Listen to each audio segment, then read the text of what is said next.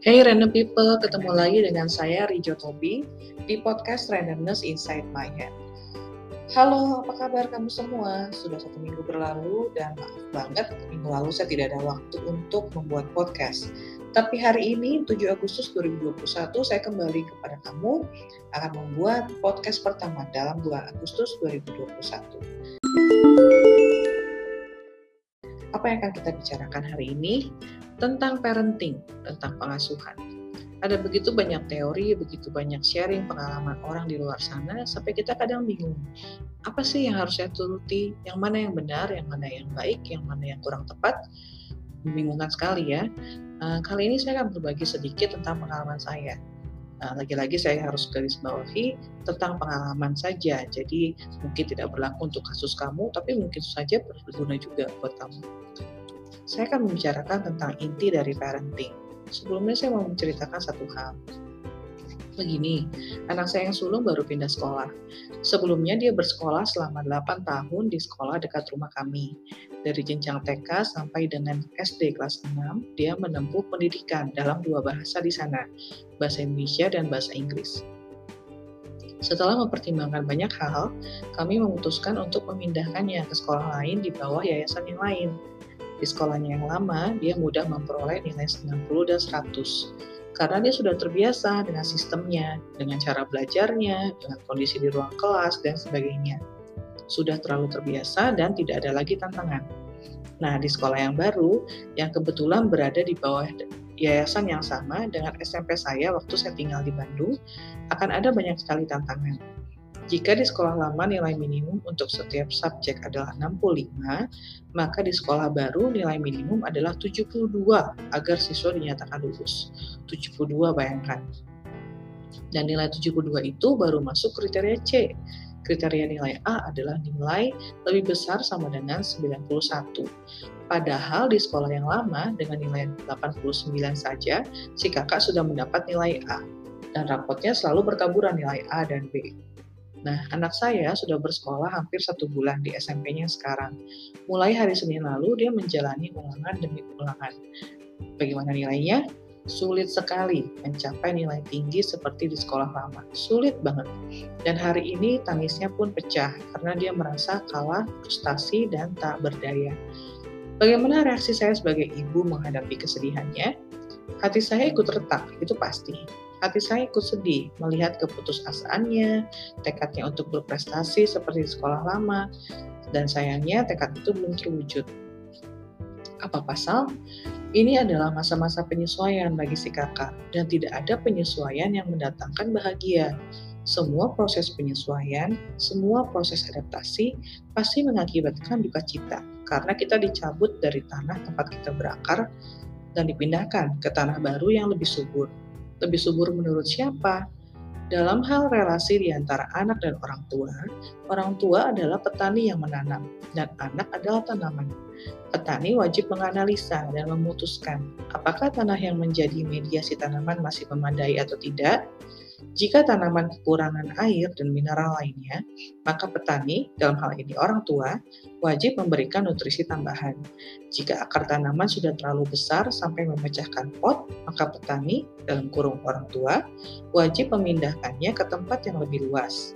Jika tanah yang menjadi media tanam tidak subur lagi, maka petani, dalam hal ini orang tua, wajib mencari media tanam yang baru. Selain analogi petani dan tanaman, terkadang saya menganalogikan orang tua dan anak dengan peternak dan ikan peliharaannya. Ikan yang berdaging dan berotot banyak adalah ikan yang pandai berenang, apalagi melawan arus yang kuat. Anak perlu dicemplungkan ke dalam kolam berarus deras supaya ia pandai berenang dan memiliki otot-otot yang memadai untuk membuatnya bertahan hidup.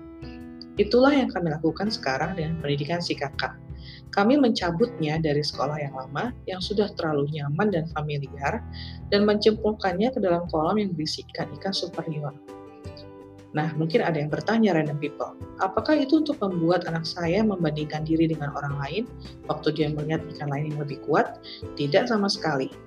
Satu hal yang saya sangat sukai dan hargai dari sekolahnya yang lama adalah tidak adanya nilai orang lain di rapot anak saya. Tidak pernah ada.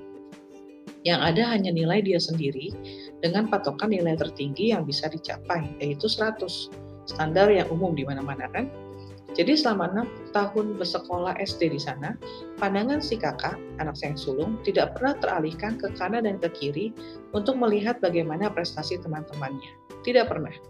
Pandangannya selalu terarah ke atas, ke standar nilai paling tinggi yang dia upayakan capai dalam segala kesempatan. Apa sebab? Karena setiap orang adalah pelari dalam hidupnya dengan lintasan masing-masing yang berbeda satu sama lain pertandingan itu adalah dengan diri sendiri. Bagaimana supaya mencapai garis finish itu dengan selamat. Tidak ada gunanya menoleh ke kanan dan ke kiri untuk melihat lintasan orang lain, untuk melihat apakah mereka berhenti, apakah mereka tersandung, apakah mereka terjatuh, atau bahkan apakah mereka menyerah di tengah jalan. Tidak ada gunanya sama sekali untuk kita. Itu pula yang kami tekankan di sekolahnya yang baru ini, di mana prestasi akademik sangat dinomorsatukan, tapi harus diimbangi dengan kegiatan berorganisasi dan prestasi non-akademik. Itu persis seperti yang saya hadapi 30 tahun lalu. Sekolah-sekolah di bawah yayasan itu memang selalu sibuk. Belajarnya banyak, kegiatan ekstrakurikulernya seabrek, dan anak juga dituntut untuk bisa menyeimbangkan dengan kegiatan di masyarakat, seperti pelayanan di gereja atau panti asuhan. Tapi seperti saya yang bisa melaluinya, saya yakin anak saya juga bisa. Yang dia perlukan adalah waktu, semangat untuk pantang menyerah, dan dorongan tanpa syarat dari kami. Kami mempercayainya, kami percaya dia akan selalu mengusahakan yang terbaik dari dirinya, seperti 8 tahun terakhir ini, tingkat SD dan TK. Kesedihan sekarang adalah lumrah. Semua petani yang menabur pasti menabur dengan air mata, membajak tanah dengan cucuran keringat, menyiapkan ladang dengan susah payah, hasil seperti apa yang diharapkan bahwa kami, orang tua dan anak, pada waktunya nanti akan menuai dengan sorak-sorai. Kesusahan itu bagian dari kehidupan. Kesusahan harus ada supaya kita menghargai berkat. Kesusahan harus dihadapi supaya kita akrab dengan perjuangan. Tadi salah seorang teman di klip bertanya, bagaimana kak memotivasi anak supaya lebih percaya diri dan tidak selalu membandingkan dirinya dengan orang lain? Ini jawaban saya. Jangan melihat orang lain, setiap orang memiliki lintasan lari yang berbeda. Yang menjadi patokan adalah prestasi pribadi si anak. Dulu bisa mendapat nilai 100, kenapa sekarang cuma mendapat nilai 80 misalnya? Berarti mendapat nilai 100 lagi bisa diulangi. Itu adalah motivasi. Mengupayakan yang terbaik dari dirinya sendiri. Nah, bagaimana kalau anak tetap tidak percaya diri dan masih sibuk membandingkan diri dengan anak lain? Ulangi lagi kalimat motivasi dari kita. Kamu pasti bisa. Kamu berlari di lintasanmu sendiri. Yang harus kamu taklukkan adalah rekormu dan bukan rekor orang lain.